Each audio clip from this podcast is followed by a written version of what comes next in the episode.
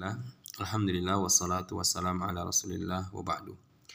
E, Para wali murid dan wali santri yang rahmati Allah Ta'ala Terkait dengan fardu kifayah untuk mayit Ada hal-hal yang perlu e, kita sampaikan bahwa Siapa yang paling berhak untuk memandikan mayit Kemudian mensolatinya, menguburkannya dan seterusnya Nah, untuk yang memandikannya, mensolati dan menguburkan bagi mayit laki-laki, ini adalah orang-orang yang mendapatkan wasiat oleh mayit semasa dia hidup.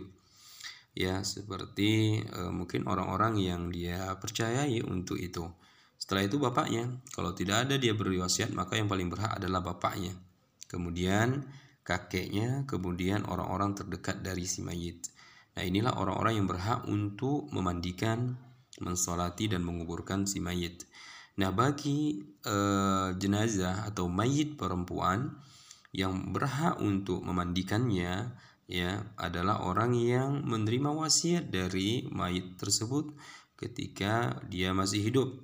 Kemudian siapa ibunya, neneknya, lalu orang yang terdekat dari kerabat wanita.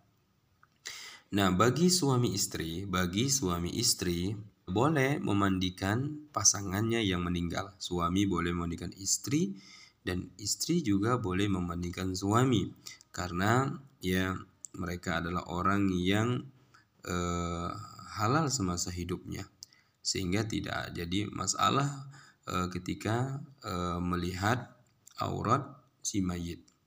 Ini juga pernah dilakukan oleh para sahabat Nabi Shallallahu Alaihi Wasallam. Di antaranya Abu Bakar yang memandikan istrinya. Demikian juga Ali bin Abi Thalib radhiyallahu anhu memandikan istri beliau yakni bernama Fatimah.